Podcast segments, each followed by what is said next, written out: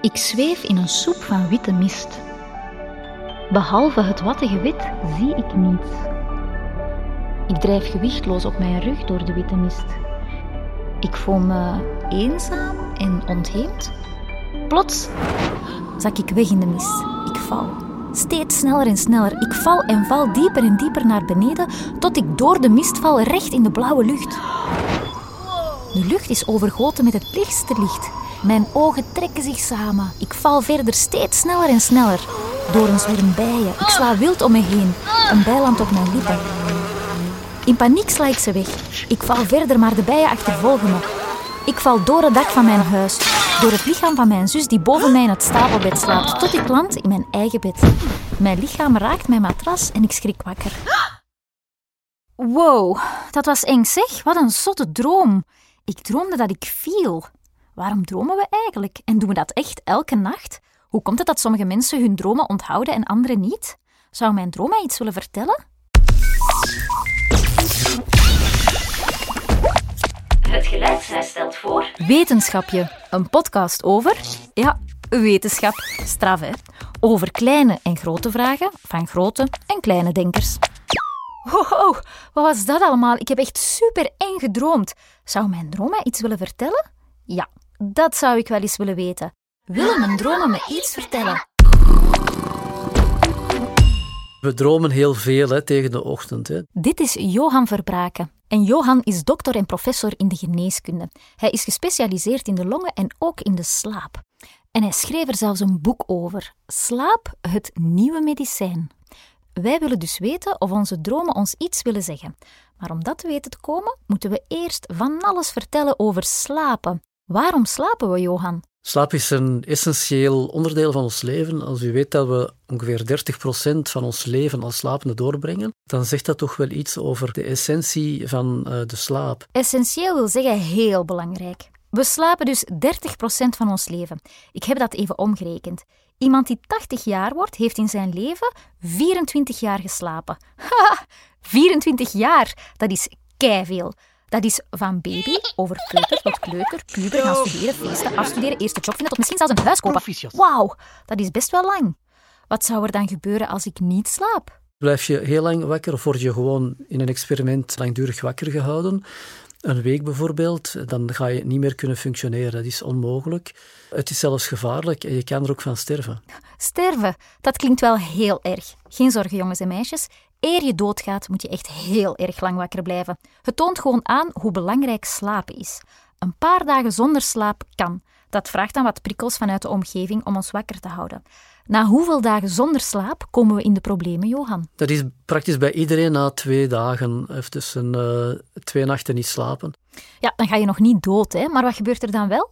Dan raak je verward, gedesoriënteerd uh, in tijd en ruimte. wil zeggen dat je niet meer weet hoe laat het is en uh, welke dag dat het is enzovoort. En waar dat je bent. je wordt ijlhoofdig, je kan je niet meer concentreren. Het spreken wordt moeilijker ook.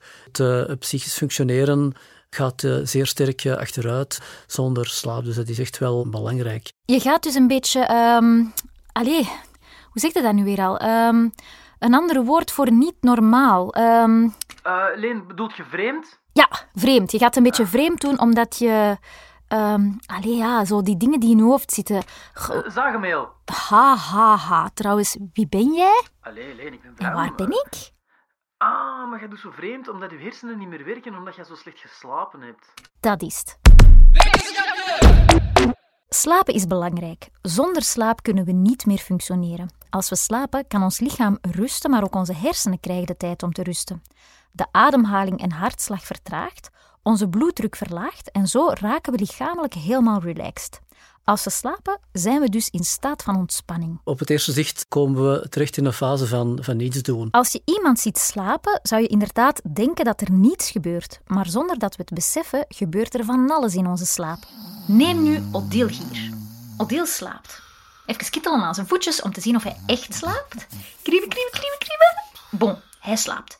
Maar op dit eigenste moment gebeurt er dus van alles in zijn lichaam vlak van de hormonen. Odile maakt het hormoon melatonine aan. Dat deed hij al voor hij in slaap viel. Want dat is het hormoon waarvan we moe worden en dat zorgt ervoor dat we in slaap kunnen vallen en dat we blijven slapen. Maar er zijn ook een aantal specifieke hormonen die, die worden aangemaakt in de slaap en die belangrijk zijn voor ons functioneren overdag.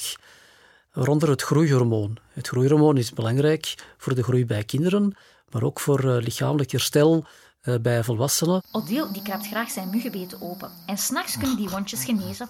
Ook zijn haar en zijn nagels kunnen groeien dankzij dat groeihormoon. En dat is vooral in de eerste helft van de nacht. De tweede helft van de nacht uh, zien we vooral het aanmaak van cortisol.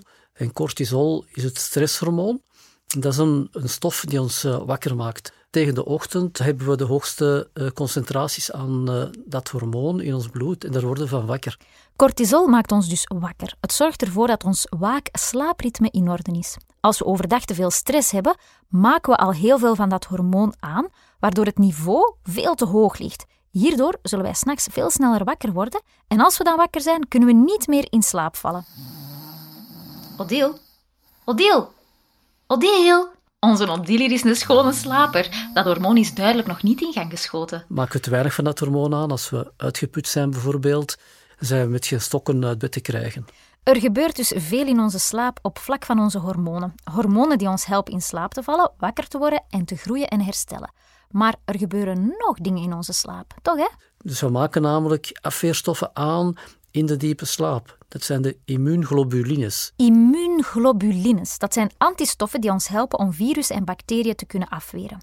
Ons immuunsysteem dus. Dus als je te weinig slaapt, dan... Dan ga je mogelijk meer kans hebben op die infecties en ga je ook meer ziek worden. Dus terwijl onze Odile hier zachtjes ligt te ronken, gebeurt er van alles in zijn lichaam. Maar amai, dat gesnurk, ik vind dat wel wat lastig. Ik ga die wakker maken, ze. Wacht, hè. Wacht, hè. Wetenschapje! Oh. Maar wat gebeurt er eigenlijk in onze hersenen als we slapen? De emoties die we waarnemen uh, te verwerken, dat gebeurt tijdens de droomslaap, de remslaap, hè, rapid eye movement sleep uh, genoemd, of slaap genoemd. Rapid eye movement betekent snelle oogbeweging. Tijdens deze rem- of droomslaap gaan we dus heel snel met onze ogen bewegen. Het is in deze fase dat we onze hersenen de kans geven om emoties en gevoelens te verwerken. Hierdoor kunnen we onze problemen ochtends beter de baas. Maar ook om dingen te onthouden moeten we slapen. S'nachts gaat info van het korte termijn naar het lange termijn geheugen. Maar er gebeurt nog iets heel straf tijdens de slaap. Nee, niet toilet dat gespoeld wordt, maar wel iets dat erop lijkt. Luister maar dat er een soort hersenspoeling uh, plaatsvindt. Het is zo dat we tijdens de daguren uh, heel wat afvalstoffen uh, produceren. Die stapelen zich op in het brein, in onze hersencellen en rondom die hersencellen. En ja, dat geeft op een gegeven moment vermoeidheid en slaperigheid. En het is tijdens de slaap dat die afvalstoffen worden verwijderd. Rondom onze hersenen bevindt er zich vocht, hersenvocht. Tijdens onze slaap krimpen onze hersencellen en krijgt dat vocht meer plaats en kan dat beter circuleren rond de hersenen. Op die manier spoelt het hersenvocht de hersenen en voert het afvalstoffen af. Burgt aan alle hersencellen die niet willen weggespoeld worden. Duikbrillen op, zwembadjes aan en vooral goed vasthouden. Komt u!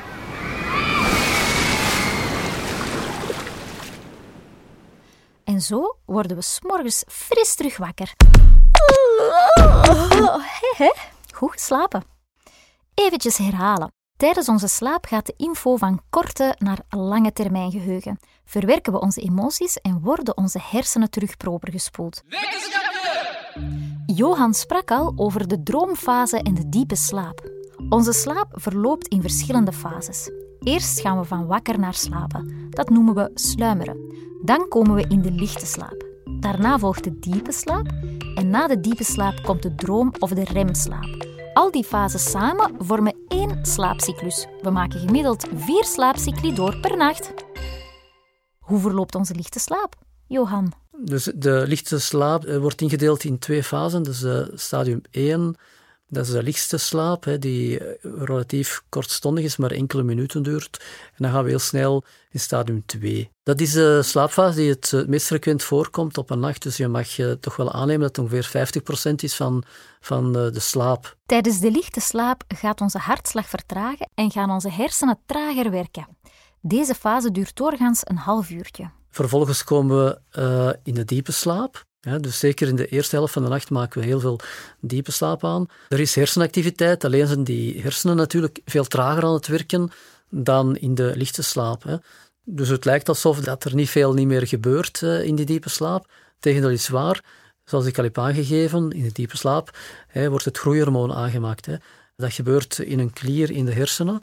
Uh, de hoeveelheid diepe slaap wordt bepaald door de hoeveelheid lichaamsbeweging die we overdag hebben gehad.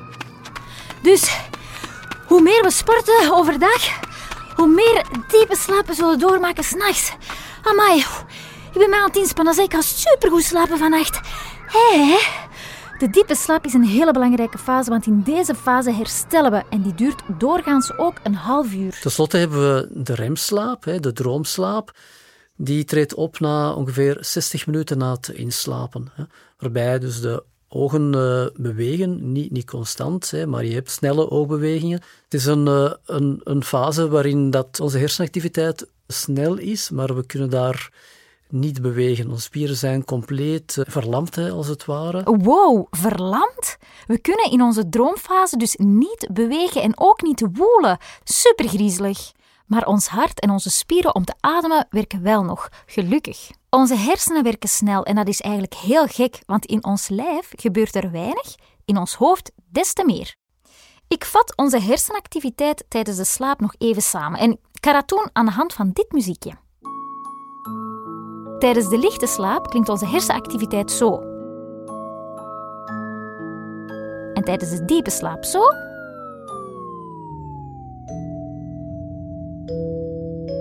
En tijdens de droomslaap zo. Nu, wat heel belangrijk ook is in die droomslaap, dat er dus ook een aantal verbindingen tussen verschillende hersenzones worden opgeruimd voor het verwerken van informatie en ook van emoties worden die emoties geïntegreerd hè, in de hersenzones en in bestaande kennis. We gaan dus in de droomslaap verbindingen maken tussen verschillende hersenzones om informatie snel uit te wisselen. En verbindingen die eerder werden gemaakt, maar niet meer worden gebruikt door ons hoofd, die worden dan weer opgeruimd. We kennen allemaal wel zaken waarbij dat we een probleem niet opgelost krijgen. S'avonds, we gaan slapen en tegen de ochtend vinden we de oplossing? Dat komt dus door die nieuwe verbindingen in onze hersenen die werden aangemaakt s'nachts. En wat gebeurt er na de droomslaap? En dan uh, begint eigenlijk uh, de volgende cyclus met terug uh, lichte slaap, diepe slaap, remslaap. Leen? Leen? Leen? Oh, oh, sorry. Ja, oh, oh ik was ik even in slaap gevallen. ja, ik heb zot gedroomd van de nacht en super slecht geslapen. Echt, ik ben heel moe. Over dromen gesproken, hè. het gekke is dat we in de eerste helft van de nacht weinig droomslaap hebben en heel veel diepe slaap. Tegen de ochtend slapen we minder diep en hebben we veel droomslaap. Zeg Johan, moet iedereen eigenlijk evenveel slapen? Gemiddeld kunnen we zeggen dat een uh, volwassene uh, ongeveer 7, 8 uur slaap nodig heeft. Nu, slaapbehoefte neemt wel af met het ouder worden. Een baby dat ter wereld komt, uh, slaapt nog bijna de week rond. Ja, een tienjarige heeft toch uh, minstens uh, tien uur slaap nodig en, soms nog wel iets meer, tien, elf. Ook vooral omdat die kinderen natuurlijk nog volop in de groei zijn. Op 25 jaar komt men met 7 à 8 uur toe en een bejaarde heeft met 6 uur slaap per nacht voldoende. Maar wat als slapen niet lukt? Ja, 12% van de volwassenen heeft ermee te maken. 12% van alle volwassen mensen hebben slaapproblemen. Dus ik nam even contact op met de god Somnus. Dat is de Romeinse god van de slaap. En hij weet alles over slapen natuurlijk. Um, hallo? Hallo? Somnus, um, wat kunnen we eigenlijk doen om beter te slapen? Oh, wat een slaapverwekkende vraag. Ah ja, maar ik dacht dat jij dat... Wat is je Oké. Okay. 1. Overdag veel bewegen en genoeg licht opdoen. Oké, okay, dus rondlopen in de zon. Ook in de winter moet je voldoende buiten komen. Ah ja, want dan zijn de dagen natuurlijk korter. 2. 1 uur voor het slapen gaan niet meer op een scherm loeren. Check, schermen uit. Oh, pieker je veel? Soms. Dat is 3. Schrijf je zorgen dan op. Ah. Dan moet je niet meer mee bezig zijn in je hoofd. Ja, dat is logisch. 4. Ontspan je. Oh, door te lezen of door yoga te doen. Yoga dus. 5. En altijd op hetzelfde uur opstaan. Echt super belangrijk. Allee, ik ga dan een dutje doen, hè. Allee, slaap wel, hè. En bedankt. Uh, en kan je eigenlijk uh, je overgeven aan het rijk van Somnus. Ja, die god Somnus, speciaal geval wel. Het woord insomnia betekent trouwens slapeloosheid, niet kunnen slapen dus. Ik heb vooral onthouden van de god Somnus dat een keertje wat later gaan slapen eigenlijk geen kwaad kan, zolang we op hetzelfde uur opstaan. Dus onthoud dat maar voor als je een keertje later naar bed wil. Met al deze tips kunnen we ons overgeven aan de slaap. Hmm, slapen. Hmm. Uh, Leen? Leen? Leen? Ja, oh, sorry. Hé, sorry. Ja, ik heb niet zo goed geslapen vannacht. Oké, waar waren we? Ehm, ja, droomt iedereen elke nacht, Johan? Iedereen droomt in principe elke nacht als we een gezonde slaap hebben. Hè. Hoe komt het dan dat sommige mensen hun dromen herinneren en andere mensen niet? Het heeft te maken met het feit dat eh, als je wakker wordt in je droomslaap, dat je ook die droom herinnert. Als je niet wakker wordt tijdens de remslaap of de droomslaap, ga je dus die droom niet meer weten. En dat brengt ons terug bij de startvraag. Willen mijn dromen me iets vertellen? Dromen kunnen uh, soms wel iets vertellen over wie we zijn en uh, wat we verlangen, wat we missen. Ik kan bijvoorbeeld gaan dromen over een ouder die overleden is, uh, die je mist. En in je droom kom je die ouder terug tegen. Hè. Dat zegt iets over ja, wat je belangrijk vindt en wat je bezighoudt ook. Maar als je de meest bizarre en onsamenhangende gekke dromen hebt, dan vertellen die niets over je verlangens of wat je belangrijk vindt. Het is een gevoelig domein, dromen interpreteren. Niet iedereen kan dat even goed. Wist je trouwens dat het zou kunnen dat als je veel nachtmerries hebt, je misschien een zuurstoftekort hebt tijdens je slaap? Kortom, onze dromen kunnen ons wel degelijk iets vertellen. Hou je oren en ogen dus goed open tijdens je slaap. Ah nee, dat, dat kan niet. Ogen toe. En snaveltjes ook. Zoete dromen, hè?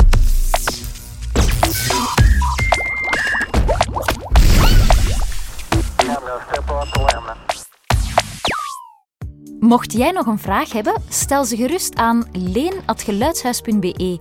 En wie weet maak ik er wel een heel wetenschapje van. Dit was Wetenschapje met de vakkundige kennis van Johan Verbraken, met de steun van Helan. Wetenschapje is een productie van het Geluidshuis. Klank en muziek Bram Kouwmans, concept en regie Leen Renders en extra hulp achter de schermen van Katarina Martinovski, Anne Smet, Pieter-Jan Vinks, Linde Verlooy, Marijke Gutens en Koen Brandt. Heb je genoten van deze aflevering? Geef dan een score of laat een recensie achter. Zo vinden anderen ook de weg naar deze podcast. Op wetenschapje.be vind je meer info en onze andere producties, zoals de heerlijke hoorspelen. Dag wetenschappers, tot snel! Bram, laat jij een lichtje aan? Ik kan niet goed slapen anders.